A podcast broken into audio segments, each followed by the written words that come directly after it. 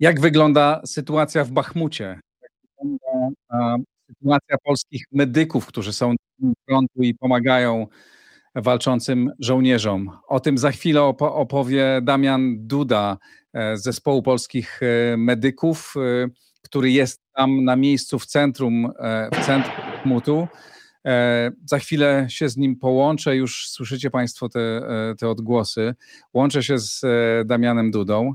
A oto mecenasi Układu Otwartego. E-Kwadrat V to polska spółka zajmująca się sprzedażą energii elektrycznej pochodzącej wyłącznie z odnawialnych źródeł. Firma DevTalent, budująca zespoły programistyczne dla klientów z branży finansowej i cyberbezpieczeństwa. OnGeo.pl, geoportal dostarczający raport o terenie z diagnozą dowolnej działki dla właścicieli, sprzedających lub kupujących. XTB, polska platforma inwestycyjna oferująca dostęp do instrumentów finansowych, bieżących analiz rynkowych oraz setek godzin darmowych materiałów edukacyjnych. Witaj, Damian. Dzień dobry Państwu, witam Cię serdecznie. Powiedz e, przede wszystkim, jaka jest, e, jaka jest sytuacja, gdzie jesteś i co się dzieje w tej chwili w Bachmucie?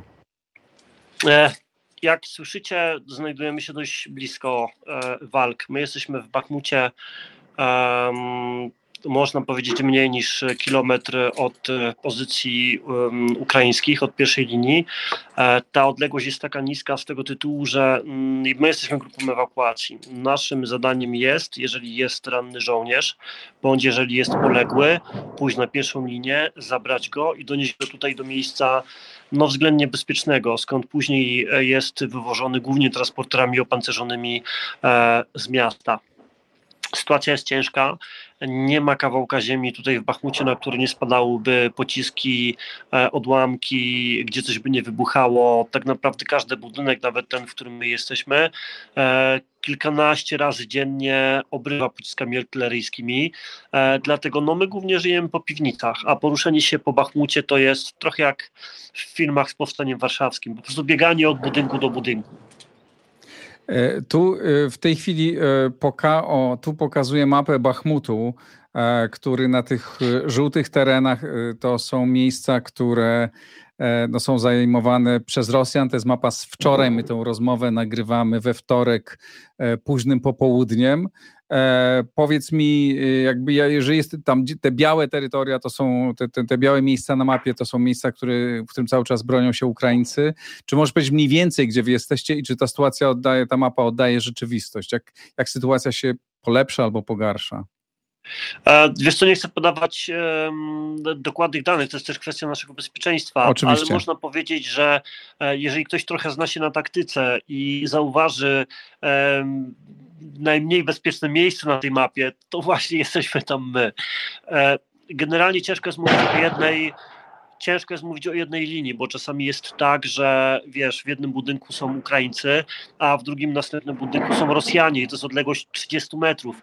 I czasami jest tak, że w przeciągu dnia budynek z jednego miejsca przechodzi w drugie miejsce, z jednej strony przechodzi w ręce drugiej strony. Um, więc tutaj naprawdę ciężko jest mówić o jakiejś takiej jednej linii. A na ile ta sytuacja się e, zmienia? To znaczy, na ile Rosjanie zdobywają nowe tereny, albo na ile Ukraińcy odbijają, um, odbijają um, miejsca, których, co, których mogą ja patrzę, na, ja patrzę na temat lokalnie, czyli mnie interesuje mój pododdział, e, który w, w tej chwili jest na pozycji e, i ich sytuacja. Jakby nie mamy trochę szerszego wglądu w, w sytuację do momentu, dopóki nie będzie dotyczyła. Um, natomiast e, wiesz, to tak naprawdę nie jest jedna linia obrony. To tak naprawdę są punkty obrony w oparciu o budynki do momentu, dopóki one nie zostaną rozbite przez artylerię przeciwnika, która bije tutaj praktycznie cały czas. E, od czasu do czasu mm, jakieś grupki próbują dojść i wspomóc chłopaków na, pierwszej linie, na pierwszą linię, e, ale czasami ta druga czy trzecia linia jest bardziej niebezpieczna niż ta pierwsza linia i samo dojście do, do, do pierwszej linii już jest bardzo dużym zagrożeniem dla chłopaków. A czy sytuacja się, mówiąc wprost, z Twojej perspektywy, polepsza czy pogarsza? E, wiesz co, na razie nie ma tutaj dużych uzupełnień. A mhm. ludzie są zmęczeni. Ludzie, którzy tu walczą od e, kilkunastu tygodni, 93. Brygada od kilkunastu miesięcy, wiesz, każda gałąź, jak ją, nawet jakby nie była silna, jak ją nagniesz wystarczająco mocno, w pewnym momencie pęknie. E, ten kontrnastup, to kontruderzenie, które jest, wiesz, ogłaszane, tutaj wszyscy czekają na nie jak na zbawienie. Ale czy rozumiem z tego, co mówisz, że ta sytuacja jest dramatycznie trudna e, i nie jest tak, że Ukraińcy odbijają tereny, tylko po prostu się bronią. E, a na ile jest w nich zrozumienie dla tej sytuacji, no bo tu z daleka e, słychać nieustanne dyskusje, czy należało już wycofać się e, z Bachmutu, czy należy tylko bronić symbolu, czy to ma sens militarny, a co czują ludzie, którzy tam są na miejscu, co czują żołnierze, którzy tam są. Ja tu pokazuję zdjęcia, które dostałem od Damiana, więc to są, to są zdjęcia, które, których autorem jest, no nie wiem, czy Damian, czy jego koledzy, którym tu w razie przesłał przed chwilą. E, wiesz co, e, generalnie większość Ukraińców rozumie, po co tu jest. Większość Ukraińców rozumie, że Bachmut w tym momencie jest granicą Ukrainy i jak nie będzie Bachmutu, to ta granica się przesunie. E, I oni mówią wprost, dzisiaj Bachmut, jutro Słowiańsk, pojutrze Kijów. Mm, oni mają świadomość tego, że takie odpuszczanie, takie niepowiedzenie sobie w końcu dość e, sprawi, że ta Federacja Rosyjska będzie powiększała mm, swoje terytoria, ich imperializm będzie, będzie w tym momencie rósł. E, poza tym przez Bachmut przechodzą drogi, trasy e, strategiczne dla tego obszaru, więc to nie jest tak, że to jest tylko i wyłącznie e, symbol, który da jakby moralne zwycięstwo. E, trochę inaczej sytuacja wyglądała w Sołedarze, który padł, z którego my też zresztą wyszliśmy, bo też byliśmy do końca w Sołedarze. Mm, tutaj Bachmut, jeżeli zostanie zdobyty przez Rosjan, da im dobrą skocznię do pójścia na, na inne newralgiczne kierunki. E, kiedy rozmawialiśmy wczoraj bodajże, mówiłeś, że jesteś w innym miejscu, być może będziecie się musieli wycofywać, bo tuż obok was trafiony został dom. Rozumiem, że nic wam się nie stało, jest wszystko dobrze z wami. E, wiesz co, nam się nic nie stało, natomiast sytuacja jest na tyle ciężka, że postanowiłem, podjąłem decyzję o wycofaniu połowy mojego zespołu. E, druga połowa zespołu zostaje tutaj. E, nie wyjdziemy stąd do momentu, dopóki będą tutaj chłopaki. Za punkt honoru poczytujemy sobie, zostanie tutaj do końca, jeżeli będziemy potrzebni. Mhm. A czy może opisać to, co, to, co jest wokół to, co jest wokół ciebie. No, kamera nie może pokazać tego, a czy może opisać, jak wygląda ta rzeczywistość wokół ciebie za oknem. Słyszymy odgłosy. Jak, jak to wygląda? Jak wygląda Wiesz co, jeżeli, codzienna... Mhm. jeżeli ktoś e, oglądał kiedyś klimaty postapokaliptyczne, to to jest Bachmut. E, miasto, gdzie praktycznie wszystkie mieszkania e, nie mają okien, gdzie praktycznie co drugie mieszkanie e, zionie, tak jak tutaj na tym zdjęciu, e, spalenizną, czernią z tytułu spalenia. E, co drugi blok płonie. Od czasu do czasu między jednym blokiem a drugim blokiem przemykają cywile. E, cały czas coś się rozrywa, cały czas coś się wybucha. E, podwórka, wszystko jest zasypane szkłem. E, samochody, które są zgruchotane przez pociski artyleryjskie. E, wiesz, jak się ogląda miasto ruin e, w powstaniu warszawskim e, i patrzy się tutaj na to wszystko, to naprawdę nie sposób nie wrócić do tej analogii. Wczoraj zakopywaliśmy człowieka za blokiem cywile, zwłoki cywili nie są ewakuowane e, z tego tytułu, że to miejsce w wozach pancernych, które wjeżdżają i wyjeżdżają e, do miasta, jest na tyle cenne, że poświęca się je e, żywym, żywym żołnierzom, żywym cywilom. Ewakuuje się też, jeżeli już, to poległych żołnierzy. Nie robi się tego z poległymi cywilami dlatego byliśmy zmuszeni w okopie za blokiem pochować jednego z cywili i wiesz, idziesz do Powstania Warszawskiego i widzisz, do Muzeum Powstania Warszawskiego i, i widzisz te zdjęcia cywili pochowanych na ulicach no to to są takie obrazki. E, przykryliśmy tego cywila drzwiami. Na drzwiach napisaliśmy jego imię i nazwisko z dokumentów, udokumentowaliśmy, pochowaliśmy, e, no żeby rodzina mogła go kiedyś odszukać, jeżeli, jeżeli będzie chciała. E, po czym wchodzimy do jednego z mieszkań, a okazuje się, że tam na łóżku leży inny cywil, E, który już długo leży, bo, bo, bo oberwał i nikt go wcześniej nie znalazł. E, ale już nie mieliśmy sił go pochować. Jeżeli się uda, to być może pochowamy go jutro. Ci, ci ludzie, których pokazałeś, e, których tutaj e, e, widzimy na zdjęciach, to są ludzie, którzy cały czas e, tam mieszkają, cały czas się e, cały czas się chowają i oni nie chcą stamtąd wjechać, czy po prostu nie można już ich stamtąd ewakuować? E, wiesz co, wojsko ukraińskie, jeżeli tylko cywile zdeklarują chęć wyjazdu, to wojsko ukraińskie z narażeniem własnego życia robi dodatkowe kursy transporterami opancerzonymi dla cywili, by mogli wyjechać z miasta. To nie jest tak, że oni zostali uwięzieni, tylko część z tych cywilów nie chce wyjechać.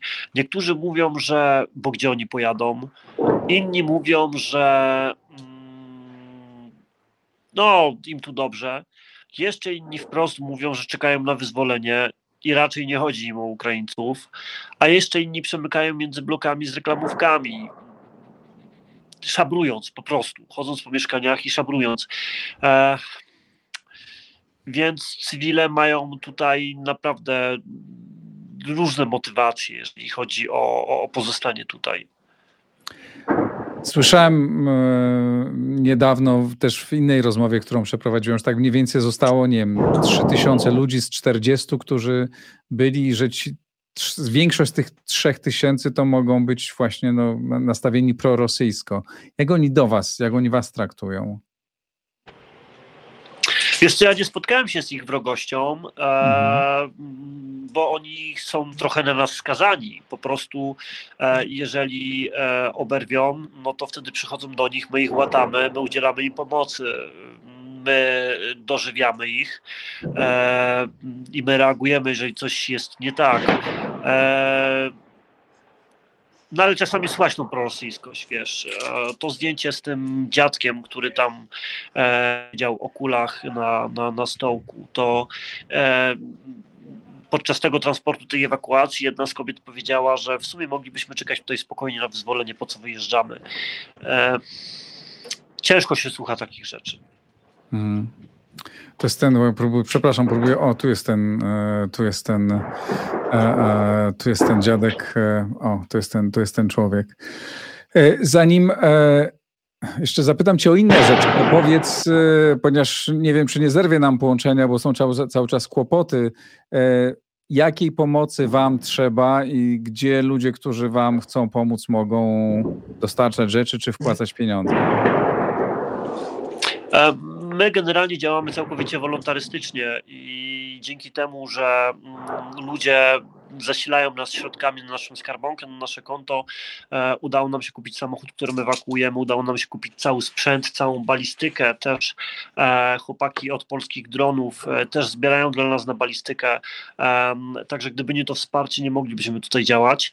Jeżeli ktoś chciałby rzucić nam piątaka, który pozwoli nam no, da nam wygodne buty, byśmy mogli w tych butach pójść do piekła i, i wyciągać stamtąd jak najwięcej istnień, e, to poproszę Cię o wstawienie w opisie tych materiałów po prostu miejsc, gdzie można nam tego piątaka rzucić. Okej, okay, to Ty przyślesz mi tego linka, ja go, e, ja go zamieszczę. Um, opowiedz, ilu Was tam jest i jak wygląda Wasz, e, wasz taki normalny dzień? Znaczy, na czym polega Wasza, wasza praca w tej chwili? Wiesz co, generalnie nasz dzień jest e, mówicie podporządkowany e, walce, to znaczy działania ukraińskie, e, które tutaj mają miejsce, muszą być zabezpieczone przez medyków. I takimi medykami jesteśmy my. E, jeżeli jest potrzeba, po prostu zakładamy plecaki i idziemy na pierwszą linię po chłopaków, niezależnie od pory dnia i nocy. Dwie noce temu zabezpieczaliśmy mm, jeden pododdział, który miał na pierwszej linii wzmocnić chłopaków, którzy się bronią. I wiesz, z chwilą, kiedy szliśmy w nocy razem z tymi chłopakami jako grupa ewakuacyjna, mieliśmy też zabrać poległego. Rosjanie zobaczyli nas z drona i zaczęli po nas walić. E, na szczęście udało nam się schować w budynku, w którym, e, który był nieopodal. E, Rosjanie dalej po nas walili.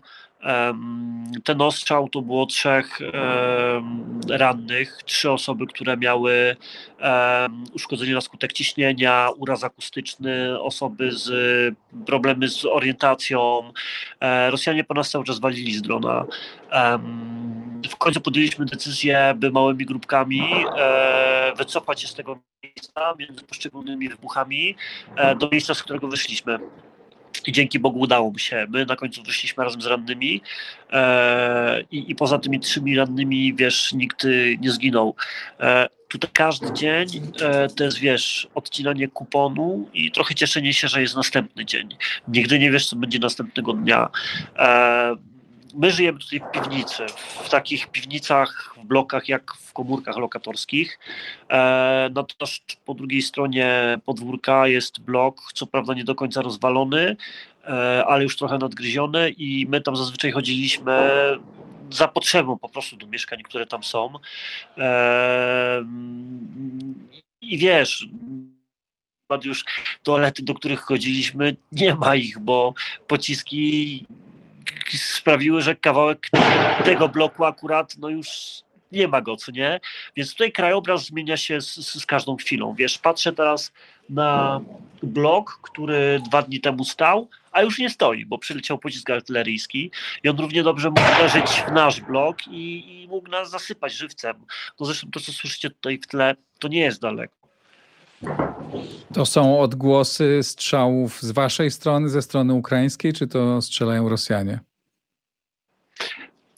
To są odgłosy wybuchów e, artylerii e, rosyjskiej.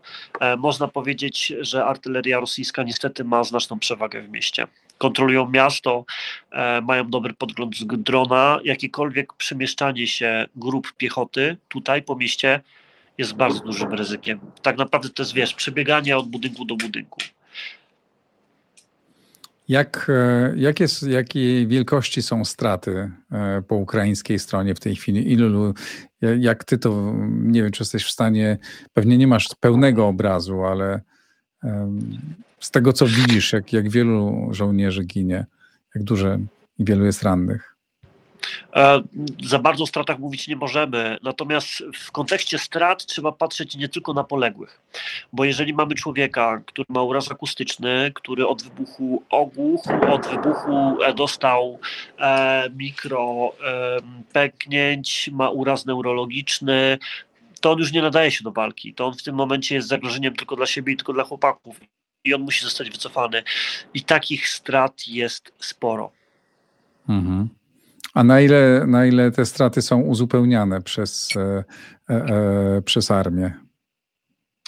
E, jest to cały czas jakieś uzupełnienia tutaj, e, cały czas jakieś uzupełnienia tutaj są rzucane. Natomiast e, tutaj nie ma mowy o tym, żeby rzucać ludzi masą. Tutaj trzeba rzucać małe pododdziały, które wiedzą jak walczyć, z doświadczeniem, z konkretną bronią, bronią wsparcia, pododdziały ruchliwe, e, dlatego że po pierwsze nie ma tu dużo miejsca, by się bronić, tak naprawdę od budynku do budynku i to głównie pod piwniczenia. E, a kolejna rzecz, e, duże masy piechoty ściągałyby po prostu ogień przeciwnika. Tak walczą Rosjanie po drugiej stronie że Rosjanie pod Bachmut po prostu rzucają e, swoich ludzi e, masę za masą. Ukraińcy oczywiście e, utylizują te masy, tyle że u nich ludzi jest na tyle sporo, że grają tymi masami ciągle. Czy potwierdzasz to, co ja słyszałem od kilku, od kilku osób, które, które śledzą z bardzo bliska sytuację na, na froncie, również w Bachmucie, ale też w Awdijiwce i w innych miastach, że ci dowódcy, którzy byli wykształceni przez NATO, um, ukraińscy dowódcy, są zastępowani obecnie no, starszymi dowódcami, którzy wcześniej nie byli dopuszczani na, na, na wyższe stanowiska e, i dochodzi do nie wiem, napięć, konfliktów między tą powiedzmy starą kadrą, a, a, a nowo, tą kadrą szkoloną w dawnych czasach i, i tymi żołnierzami, którzy są szkoleni, byli już szkoleni w nowoczesnej ukraińskiej armii. Wiesz co, my mamy to szczęście, mm, że my pracujemy z najlepszymi oddziałami ukraińskimi. Pracujemy z siłami specjalnymi, pracujemy z jedną brygad, z brygad szturmowych. Nie mogę podać numeru, natomiast jest to brygada, która wsławiła się naprawdę odwagą i, i bojem i chłopaki mają doświadczenie e, jeszcze z 14 roku, e, więc tutaj e, przywódca, dowódca jest też liderem i nie ma tutaj mowy o tym, by e, osoby bez doświadczenia stały na czele chłopaków, bo chłopcy po prostu zwyczajnie e, by ich nie słuchali i, i zażądaliby szybkiej zmiany. Także tutaj e, autentycznie dowódca mówi za mną, a nie naprzód. Na szczęście w miejscu, gdzie tak, tak się to tu odbywa. A y, opowiedz jeszcze o Twoim zespole. Jak duży on jest? Czy tam są tylko, tylko Polacy? I czy macie czas na odpoczynek? Czy się zmieniacie? Czy jesteście luzowani? E, jak wygląda Wasza praca? Troszkę o tym powiedziałeś, o jednej sytuacji, ale jak musiał tak szerzej o tym opowiedzieć. Wiesz co, my do tej pory pracowaliśmy w Bachmucie zespołem czteroosobowym Polaków. Dwie osoby zostały wycofane, dwie osoby, ja i Adrian, e, z którym też byłem w oblężonym Sołedarze prawie, że um, pracujemy tutaj na miejscu. Są tu też paramedycy ukraińscy, dobrzy paramedycy ukraińscy, którzy są tutaj od wielu miesięcy. Można powiedzieć, że stanowimy taki, taką sekcję ewakuacji e, medycznej. Jeżeli jest potrzeba, to reagujemy. Z tym odpoczynkiem, e, no to też na tyle, na ile pozwala chłód, na tyle, na ile pozwala e, to, co się dzieje na zewnątrz, na tyle, na ile pozwala sytuacja taktyczna, staramy się noc przesypiać, ale bardzo często w nocy są dawane zadania, które sprawiają, że ten sen trzeba przesunąć na dzień. Mimo wszystko jednak robimy wszystko, E, żeby mm, no, w wolnej chwili najeść się, wyspać, odpocząć. E, jeżeli coś ze sprzętu nie gra, nie wiem, jeżeli trzeba podładować radio, jeżeli trzeba sprawdzić sytuację taktyczną, to zrobić wszystko, by być za chwilę gotowym z powrotem do działania. A czy wsparcie, które wy dostajecie ze strony e, ukraińskiej armii jest takie, jak powinno być? Czy tam ta praca jest dobrze zorganizowana. Oczywiście, o ile można mówić o czymś, co jest dobrze zorganizowane w tak, w tak dramatycznych warunkach. Wiesz co? Nie jest tajemnicą. Jak się spojrzy na mapę, to się zobaczy, że tych dróg dojazdu do Bachmutu nie ma dużo. W związku z tym logistyka jest bardzo mocno ograniczona. E, dlatego też no, my mamy świadomość tego, że nie możemy oczekiwać nie wiadomo czego. E, na razie póki co mamy medycyny tyle, ile potrzeba. Jeżeli chodzi o jedzenie, no nie jest to kawior, ale na razie dajemy radę. E, jakąś tam ilość kalorii, którą potrzeba w ciągu dnia mamy, choć jest z tym trochę gorzej, zaczyna się robić z tym trochę gorzej. E, na szczęście mamy dużo wody butelkowanej, co jest no, podstawową potrzebą w, w takich warunkach. E, myślę, że będzie dobrze. A ile jest takich zespołów e, jak wy tam? Czy wy jesteście jednym z bardzo wielu zespołów, czy jest ich kilka, czy jesteście tylko wy? Przerywa cię, nie słyszę. E, pytałem Cię o tym, jak dużo jest takich zespołów e, medyków pomagających e, żołnierzom tam na miejscu. Wiesz to teoretycznie każda brygada powinna mieć swoich medyków i każdy pododdział powinien mieć swoich medyków. Natomiast wiemy, że część z tych medyków um, po prostu oberwało i ich nie ma i że są oddziały, które nie są zabezpieczane i bardzo często tutaj e, do nas przychodzą też e, żołnierze z innych oddziałów prosząc o pomoc. E, ale wiem, że są też inni medycy, nawet wiem też o innym Polaku, który ewakuuje z mm, Bachmutu. Mówimy tutaj o, o jednym chłopaku, który samodzielnie, że tak powiem, to, to, to robi pod, pod e, egidą jednego z oddziałów ukraińskich. E, także na szczęście tych, tych medyków trochę jest. Czy możesz jeszcze opowiedzieć o tych ludziach, o których już wspominałeś na początku, ale jak wygląda ich, jak ty ich obserwujesz, to jak oni się zachowują? E, I czy dlaczego oni też nie uciekają? No bo przecież no, grozi mi śmierć w każdej, w każdej chwili. Słuchaj, są tacy, którzy e, chcą opuścić pozycję, ale są inni, którzy są w stanie go złapać, potrząsnąć za ramiona i powiedzieć: Chłopie, zostań, ja na tobie polegam, bez ciebie być może ja nie dożyję jutra. E, i zazwyczaj taka osoba, nawet jeżeli jest w, w, szoku, w strachu, to czując, że jest druga osoba obok, zostaje. W pewnym momencie chłopaki już, e, no nie mówię, że nie walczą za Ukrainę, bo, bo jak gdyby nie walczyli za Ukrainę, to by tu nie było, ale w pewnym momencie zaczynasz po prostu walczyć za brata, zaczynasz walczyć za tego chłopaka, który jest obok i robisz wszystko, żeby on tak jak ty wrócił razem z tobą. Teraz mówiłeś o żołnierzach, którzy tam walczą. Tak. Powiedz proszę, jak się zachowują żołnierze, którzy walczą? Czy oni czasem no, nie mają, nie paraliżuje ich strach, czy jakby nie mają, e, nie mają tego dosyć, nie, nie próbują, no, nie mają myśli o rezygnacji, e, ucieczce? Jak ty ich obserwujesz? Wiesz co, każdy zachowuje się indywidualnie, każdy indywidualnie podchodzi do zagrożenia z chwilą, kiedy poszliśmy na, na zadanie i pokryli nas e, ogniem artylerii.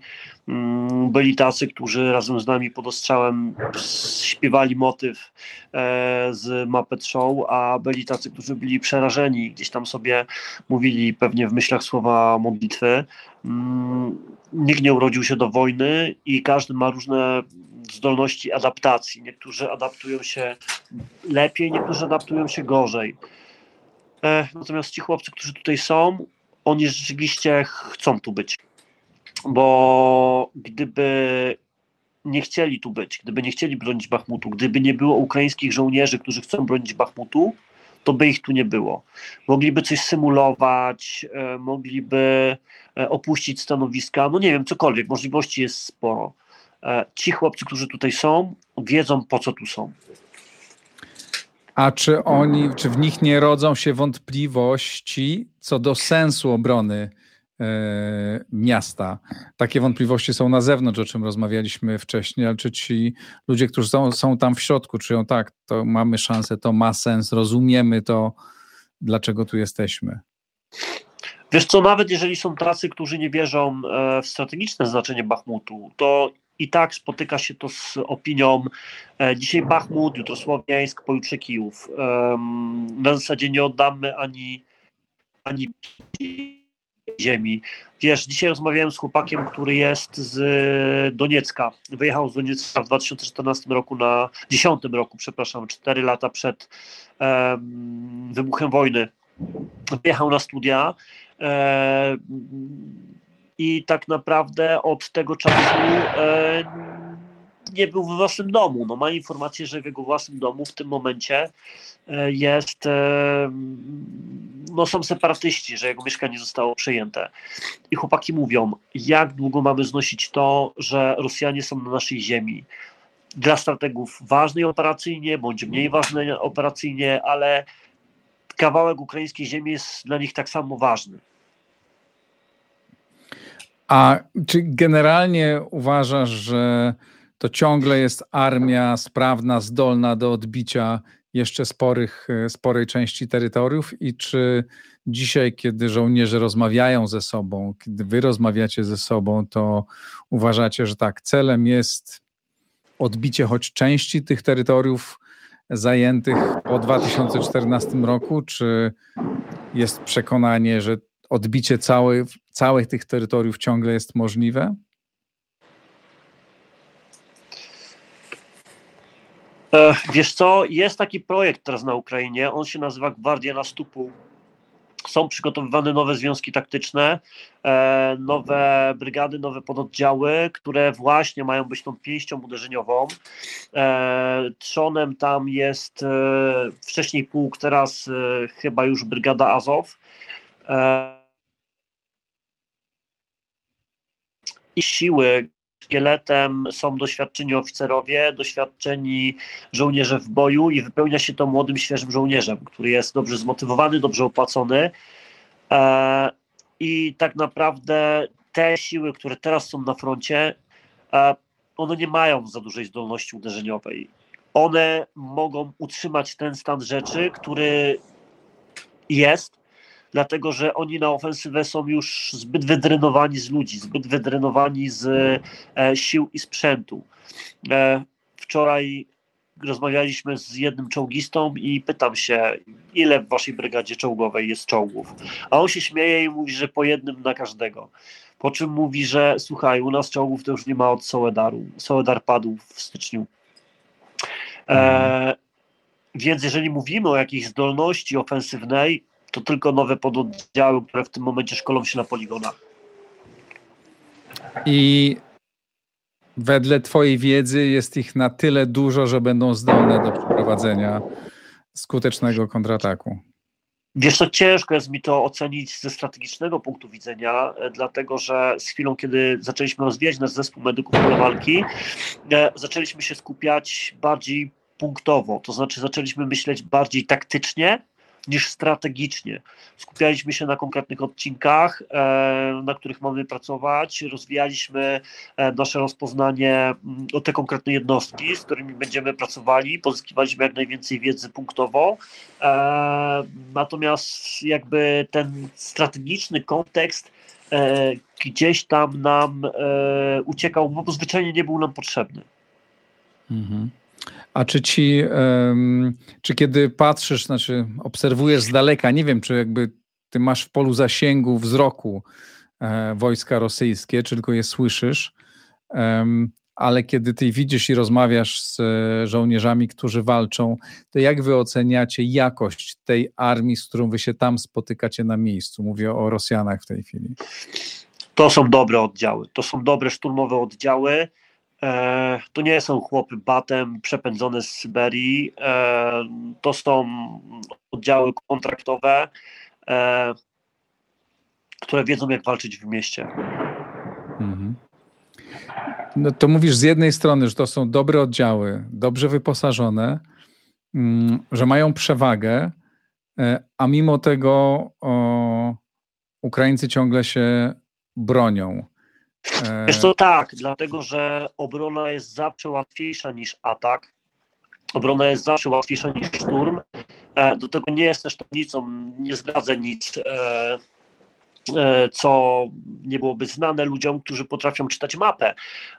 Ale ta część Bachmutu, którą mają Rosjanie, ona jest natomiast ukraińskie pozycje są trochę wyżej, więc w tym momencie Ukraińcy mają dobry wgląd w teren, z którego Rosjanie posuwają się do góry.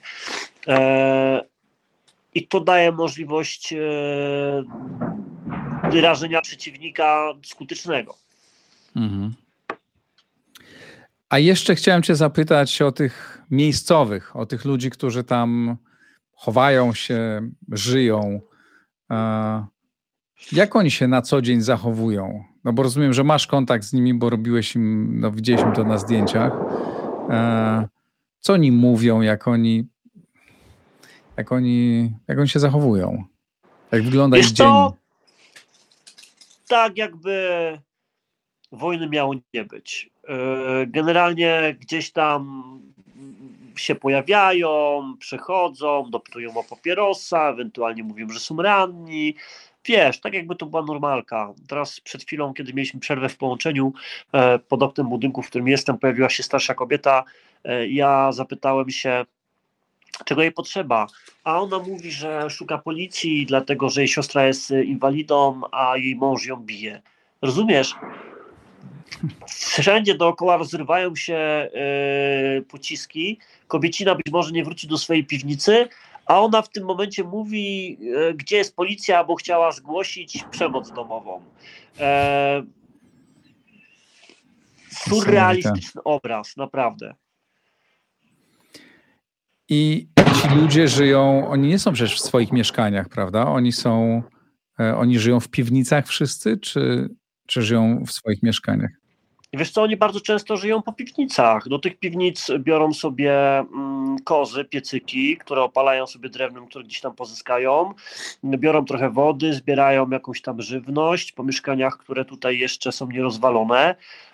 No i tak sobie żyją w tych piwnicach. Niektórzy nawet do tych piwnic ściągają zwierzęta. Widziałem papugi, widziałem kury nawet koguta, który pieje, wiesz, w piwnicy obok. E, więc ci ludzie jakoś się zaadaptowali do tych trudnych warunków.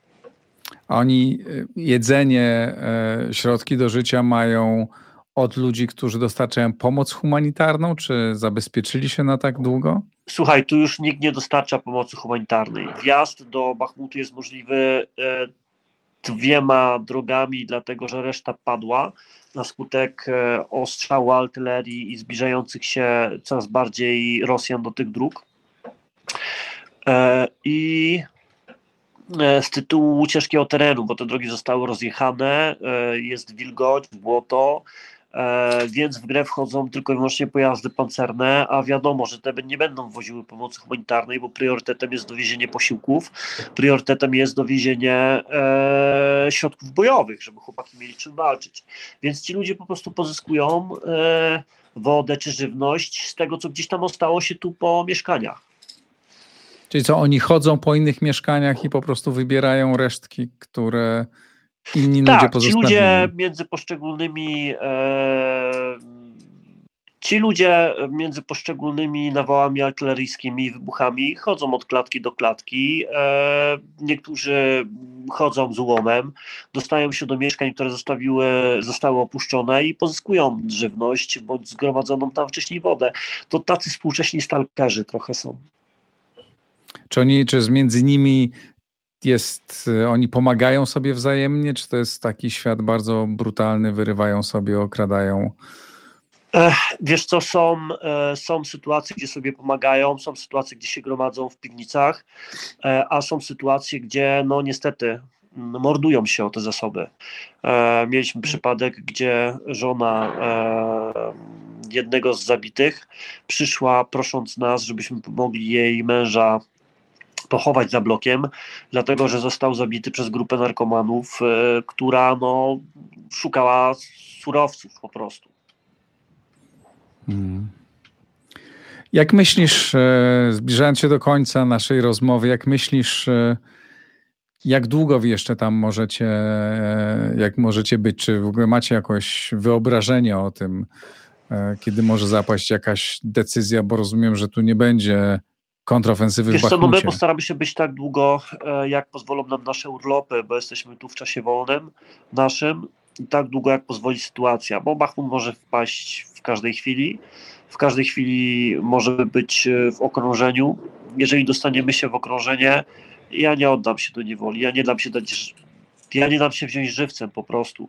Więc tutaj naprawdę ciężko jest coś planować. Hmm.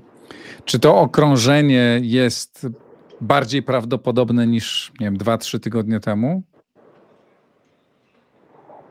Słuchaj, tu nie ma rzeczy nieprawdopodobnych. Tu się dzieją takie rzeczy, które do tej pory widywaliśmy tylko na filmach. Rozmawiałem z jednym z żołnierzy ukraińskich i ten żołnierz ukraiński mówi do mnie, ty słuchaj, stałem obok budynku, w pewnym momencie coś świsnęło, gwiznęło i budynku nie ma. Chłopie, ja takie rzeczy tylko w filmach widziałem. E, wiesz, takie rzeczy tylko w filmach. My nie jesteśmy w stanie jakby realnie oszacować, co się wydarzy za chwilę.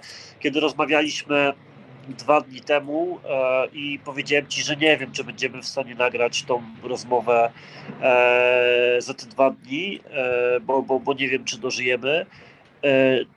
To było przed tą nocną akcją, z której dzięki Bogu wszyscy wróciliśmy żywi, ale nie musieliśmy. Także no tu nikt nie wie, co się za chwilę wydarzy. Damian, Właśnie nie wiem, jakich słów użyć, no bo jak powiem, uważajcie na siebie, to brzmi tak idiotycznie i, i, i banalnie.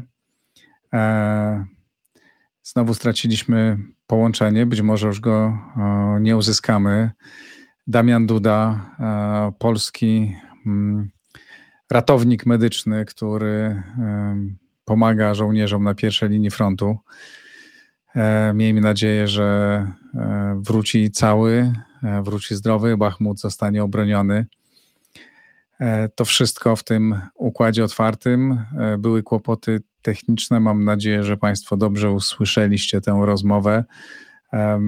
Wspierajcie, wspierajcie działalność polskich medyków i link do, do wsparcia znajdziecie pod, pod tym nagraniem. Dziękuję bardzo, to wszystko. Do zobaczenia, do usłyszenia.